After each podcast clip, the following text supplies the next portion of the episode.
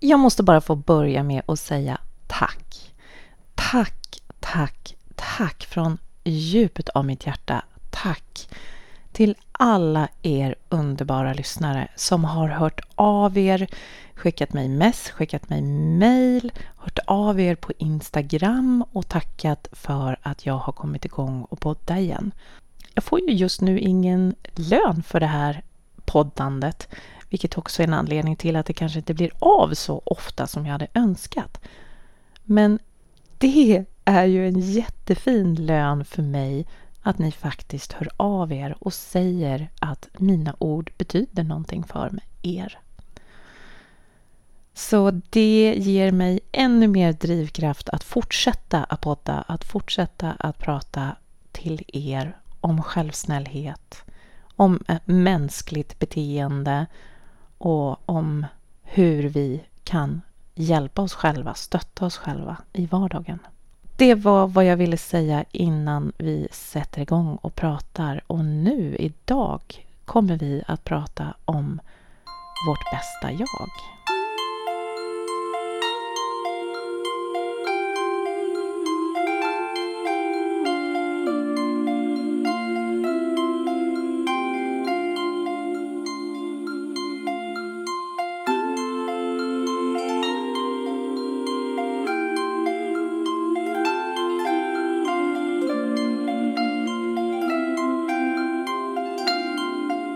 Varmt välkommen till Självsnällpodden med Maria Helander.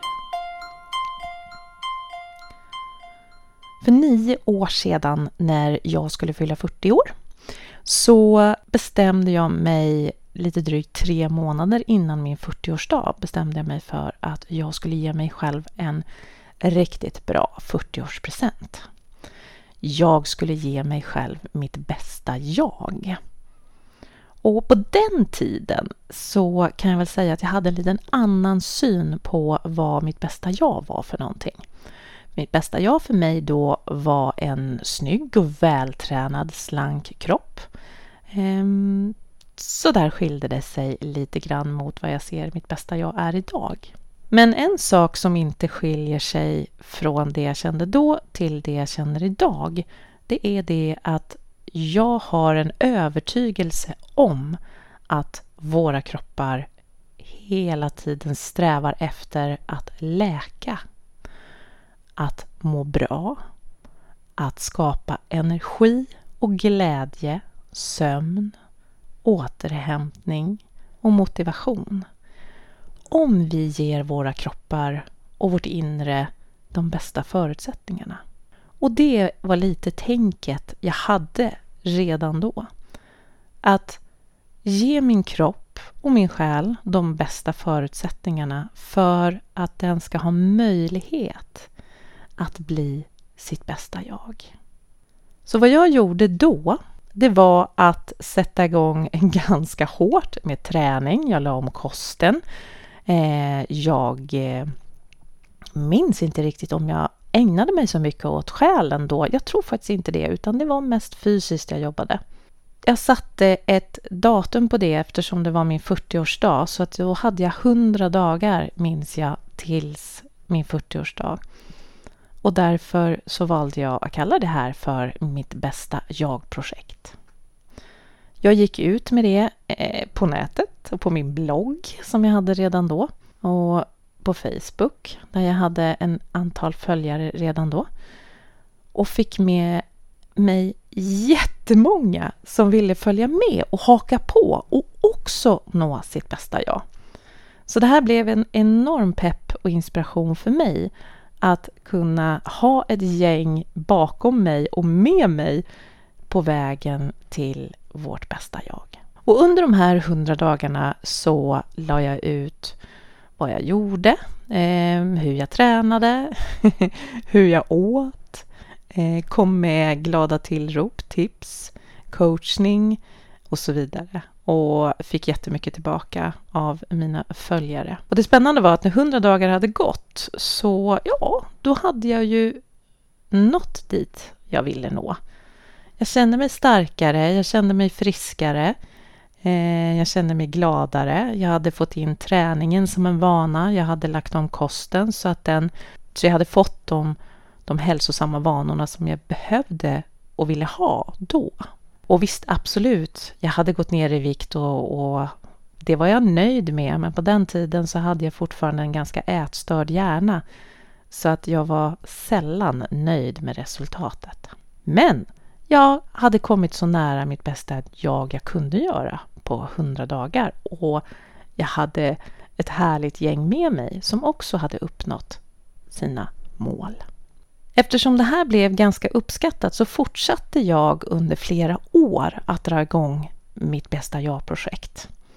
För att kunna ge stöd och peppning och motivation till både till andra men också till mig själv för att bibehålla sunda vanor. Som ni alla vet, när det kommer till hälsa så är vi ganska duktiga på att bestämma oss för att göra saker. Men att hålla i det, det är svårare. Så precis som för de flesta så går det upp och ner, även för mig. Jag har väldigt sunda vanor och jag har haft väldigt sunda vanor. Eh, men så kommer det perioder när saker och ting händer, man stressar mer, man tappar motivationen, man får en skada, man blir sjuk och plötsligt så har man plockat tillbaka en del av sina gamla vanor som man inte är så nöjd med. Därför var det väldigt kul att gång på gång i alla fall två gånger om året så drog jag igång just ett projekt och fick lägga lite fokus på hälsan. Okej, nu tänker du att jag är värsta hälsofreaket och nej, det är jag inte. För någonting som jag upptäckte under de här åren som har gått, det är att om vi inte har med oss en självmedkänsla eller en självsnällhet under tiden vi jobbar med att skaffa oss hälsosamma vanor eller att ta hand om vår kropp eller vår själ så är det svårt att orka fram hela vägen. En annan viktig sak som dök upp var just att från början gick jag in väldigt hårt med disciplin. Det är viktigt att disciplinera sig. Det är bara att skärpa sig. Det är bara att bestämma sig. Det är bara att sluta äta fel saker och gå ut och röra på sig. Men det märkte jag ju att nej, det är ju inte så vi människor fungerar. För att överallt i världen finns det människor som bestämmer sig för att leva hälsosamt. Men trots det så har vi så många människor i världen som inte lever hälsosamt eller som inte lever som de vill göra. Det är någonting här som, som diffar, eller hur? Och det var väl den nöten jag så småningom kunde knäcka under tiden mitt arbete med både min egen hälsa och andras hälsa. Att det handlar inte om disciplin. Det handlar inte om att bestämma sig, det handlar inte om att skärpa sig, utan det handlar om motivation. Det handlar om medkänsla och det handlar om möjlighet att nå möjliga mål.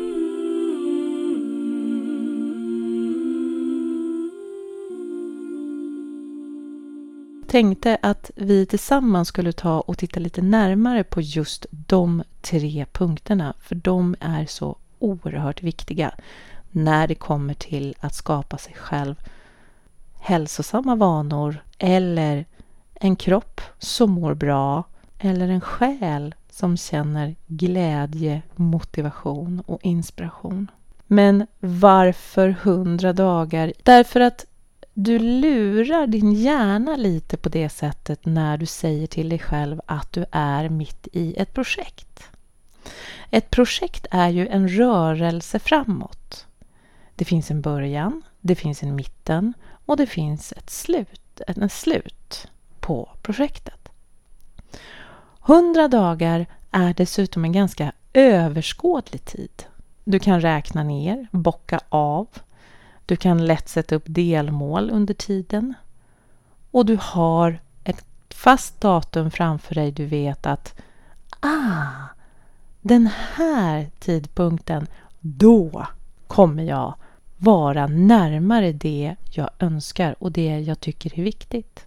Det är otroligt effektivt att kunna ha en tidpunkt som är överskådlig.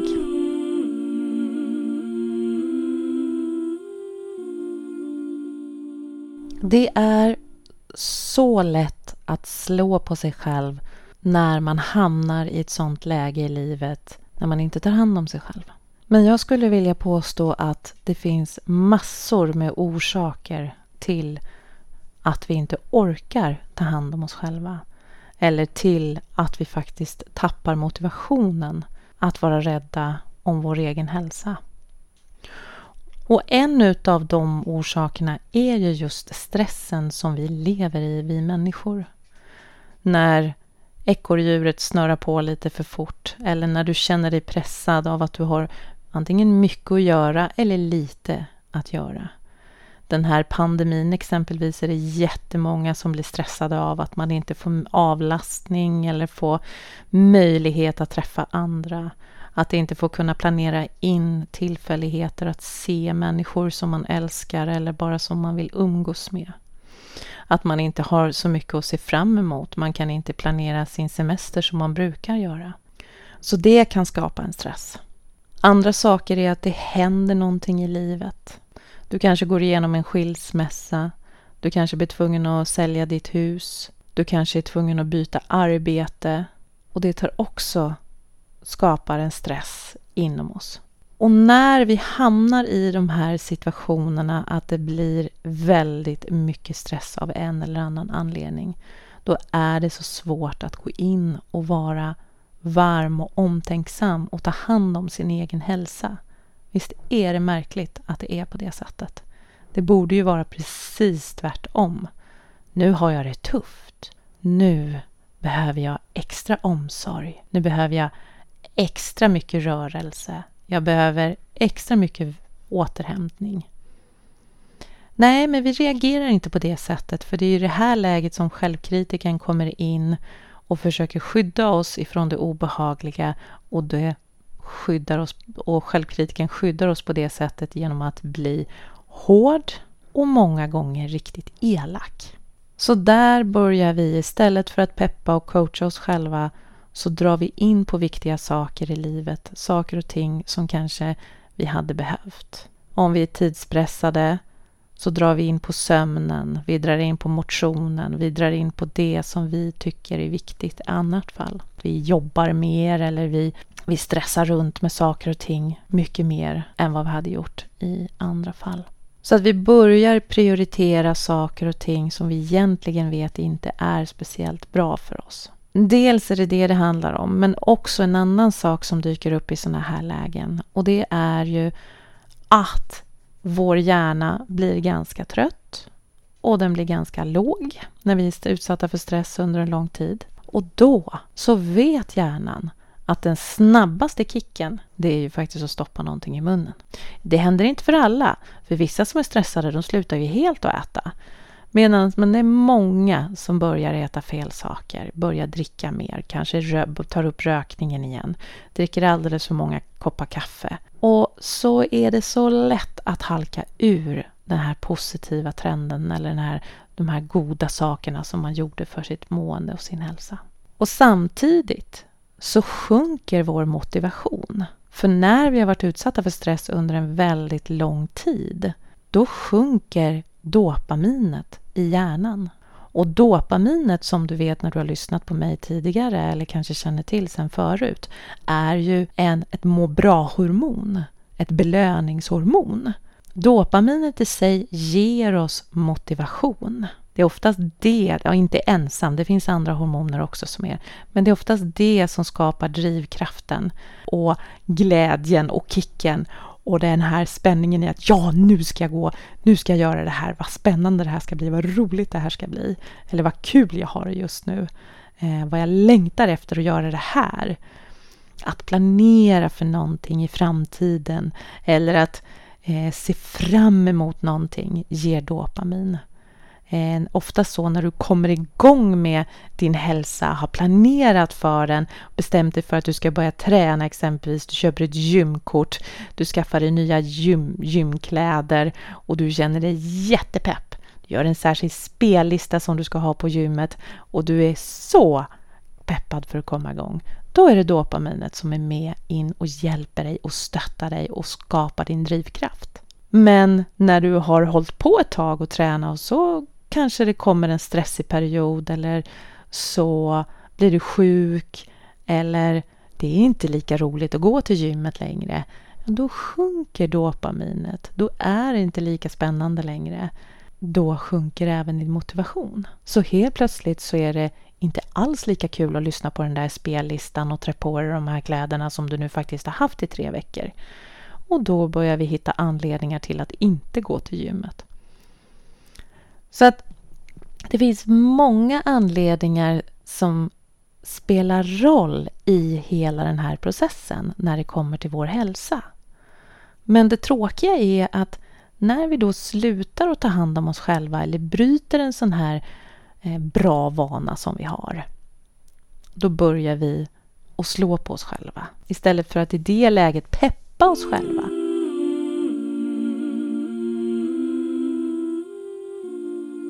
Vad det är vi många gånger använder för ett verktyg för att nå dit vi vill när vi ska jobba mot vårt bästa jag exempelvis, eller när vi jobbar mot ett hälsosamt mål, så går vi in och så säger vi att det handlar om disciplin. Men vad jag menar är ju just att det handlar om motivationen. Motivationen, för disciplinen för oftast med sig den här hårda rösten de här taskiga kommentarerna som vi säger till oss själva. Att bli hård och självkritisk i en situation som ändå är lite jobbig. För det är jobbigt att gå till gymmet eller det är inte så himla roligt att välja bort den där kanelbullen till fikat. Eller att sätta sig ner och meditera. Och om du då går in och blir hård och disciplinerad i det läget och säger åt dig själv, ja men skärp dig nu, kom igen nu. Hur svårt ska det vara? Det som händer då är att du ökar på dina stresshormoner. För att vara taskig mot sig själv är på, känns på samma sätt i kroppen som om det skulle kännas om någon stod bredvid dig och sa de här taskiga kommentarerna. Och stod någon bredvid dig och sa upp ur soffan nu tjockis, ge dig ut och spring istället för att sitta här och goffa i dig chips ja, då skulle ju du bli fruktansvärt ledsen och stressen skulle öka på något enormt. Men vad vi inte märker när vi säger det till oss själva, det är att stressen ökar och att det finns ett stråk av att vi blir väldigt ledsna, men då inte ledsna på någon annan, utan på oss själva. Så därför så tror inte jag på disciplin. Och jag, nej, det är faktiskt inte det det handlar om. Det handlar om att hjälpa sig själv att hitta motivationen. För jag tror uppriktigt sagt inte det som många säger det här att ja, vi människor är av naturen lata. Nej, för att om du menar att du är en lat person eftersom det är mänskligt och det är av naturen. Mm. Men om jag skulle komma hem till dig, ringa på dörren på kvällen och säga Hej, min hundvalp har sprungit bort. Skulle du kunna hjälpa mig att hitta min hundvalp? Så är jag jättesäker på att du skulle bli så motiverad att hjälpa mig att hitta min söta hundvalp. Att du skulle sätta på dig dina skor och gå ut tillsammans med mig och leta tills vi hittade hundvalpen. För då är du motiverad. Du har ett mål och du känner dig engagerad och du bryr dig om mig och du bryr dig om den här stackars rädda hundvalpen. Du har fått motivation. Men om du säger att ja, men det är bara att disciplinera sig och jag är så lat som inte går ut, sätter på mig skorna och går ut och tränar. Ja, men när jag letade efter hundvalpen och du hjälpte mig, då var du inte lat. Någonting som är väldigt viktigt att komma ihåg när man jobbar med sin hälsa är att söka efter att hitta just motivationen. Vad motiverar mig? Och framförallt när motivationen sjunker under tiden jag arbetar med min hälsa? Hur kan jag hjälpa mig själv att hitta tillbaka till den? Vad skulle motivera mig halvvägs? Eller de dagarna jag är alldeles för trött? Eller de dagarna när jag känner för att ta ett avsteg? Eller vad skulle motivera mig att gå vidare?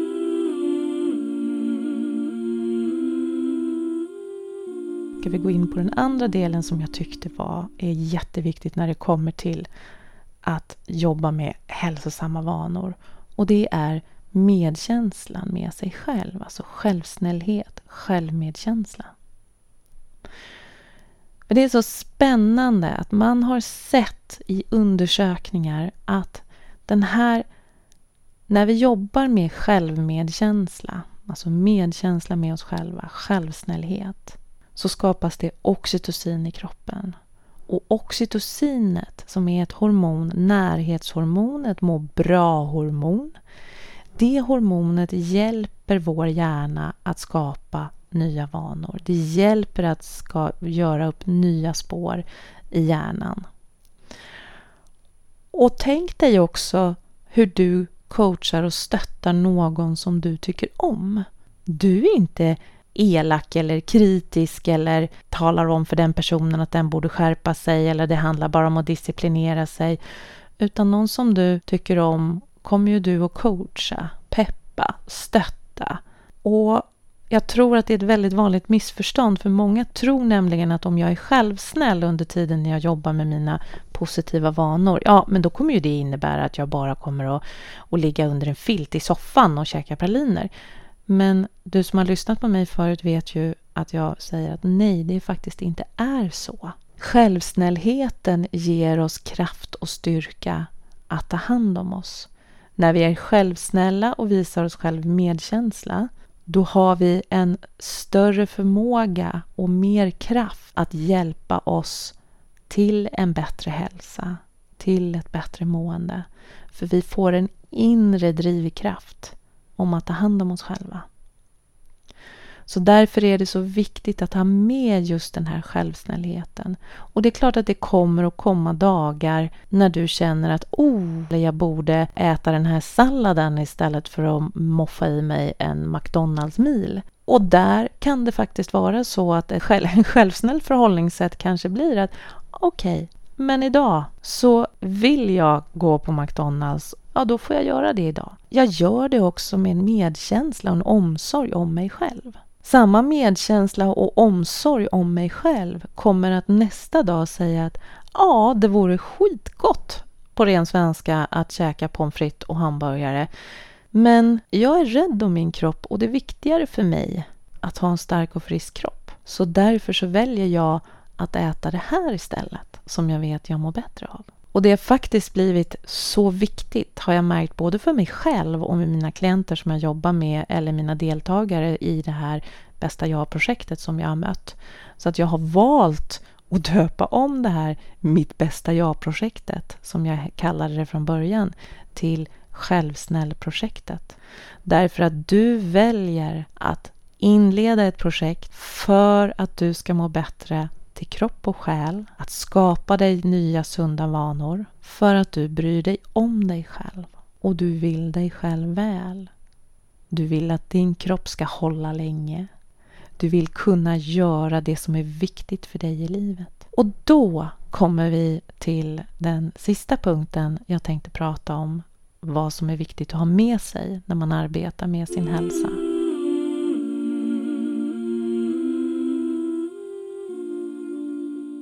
Och det är just det här, alltså möjlighet, möjliga mål. För många gånger när man arbetar med sin hälsa så sätter man upp väldigt tydliga mål. Man pratar om smarta mål. Man pratar om att de ska vara tydliga, de ska vara uttalade, de ska vara begränsade, de ska vara ja, delmål så det går att dela upp dem och så vidare. Och jag tycker det är jätteviktigt att ha mål. Men någonting som jag tycker är ännu viktigare det är att ha en riktning. Och en riktning för mig det är vad är viktigt i mitt liv? Vad tycker jag är viktigt? Ni minns att ni som lyssnade på mitt förra avsnitt om lycka Där ställde jag mig frågan vad gör mig lycklig?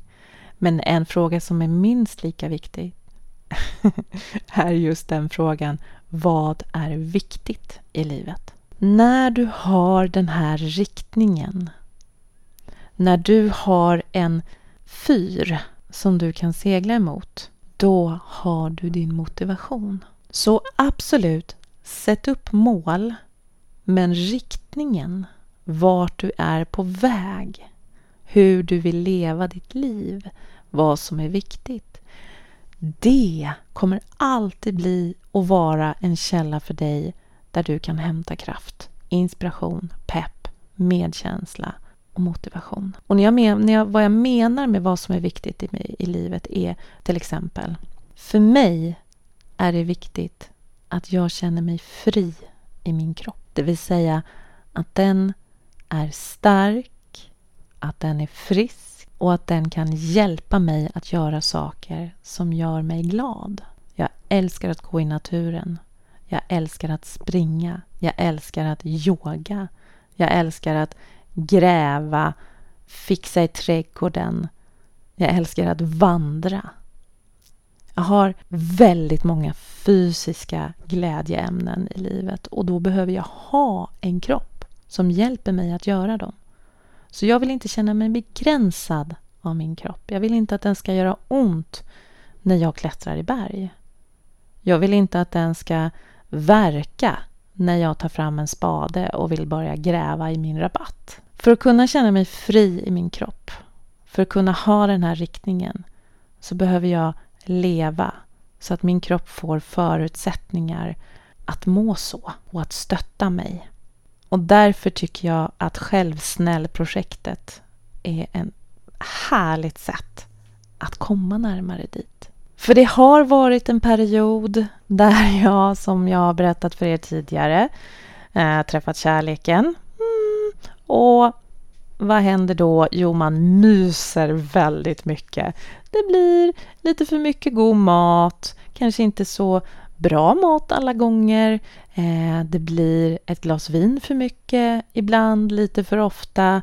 Det blir att man prioriterar andra rörelser än de rörelserna ute i spåret. Eh, och sen till, till det så har det varit ganska stressigt och tufft under en period. Det har gjort att jag har släppt en hel del på mina goda vanor som jag har byggt upp under en lång tid. Och därför behöver jag den här motivationen återigen att kicka igång ett självsnällprojekt för att ge mig själv motivation, självsnällhet och möjlighet att låta min kropp möta sitt bästa jag. Så att nu ser jag jättemycket fram emot det här. Jag känner mig otroligt peppad och beroende lite grann på när du lyssnar på det här avsnittet, men så kan jag berätta för, för dig som lyssnar nu, att måndagen den 21 juni så kommer jag att sätta igång ett nytt självsnällprojekt. Och du hittar det här självsnällprojektet, det hittar du på min blogg mariahelander.se eller på Instagram. Där heter jag Helander Maria eller på Facebook där det finns en grupp som heter Självsnällprojektet. Där kan du gå in och följa med i gruppen eller läsa på bloggen eller följa med mig på Instagram. För jag kommer att lägga ut pepp, jag kommer att lägga ut självsnällhetsövningar, jag kommer att stötta dig och jag kommer samtidigt berätta om min egen resa och hur jag själv väljer att göra för att komma närmare mitt bästa jag eller ge min kropp förutsättningar att leva sitt bästa jag. Så varmt välkommen att leta reda på mig. Det är helt gratis, det kostar absolut ingenting. Eh, det här gör jag för min skull och jag gör det för din skull.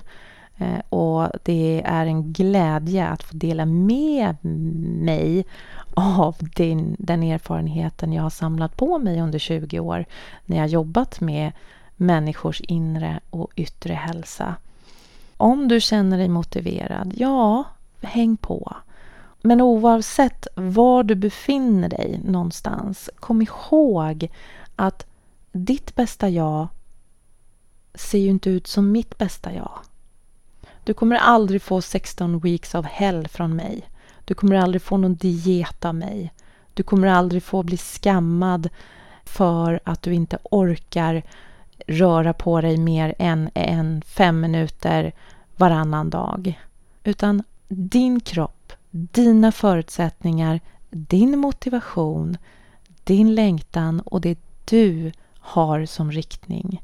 Det du ser som är möjligt för dig. Det är det som är viktigt.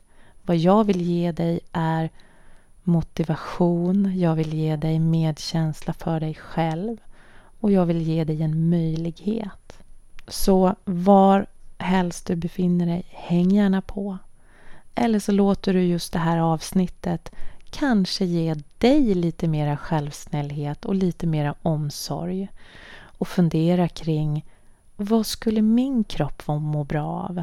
Vad skulle min själ må bra av?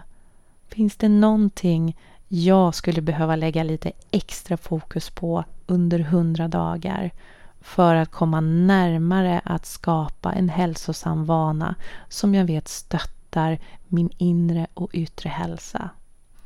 Fundera på det. Vad är viktigt för dig? Och låt det bli din riktning. Tusen tack för att du har lyssnat den här gången och glöm inte bort att vara självsnäll. Att öva lite på det varje dag. Hej då!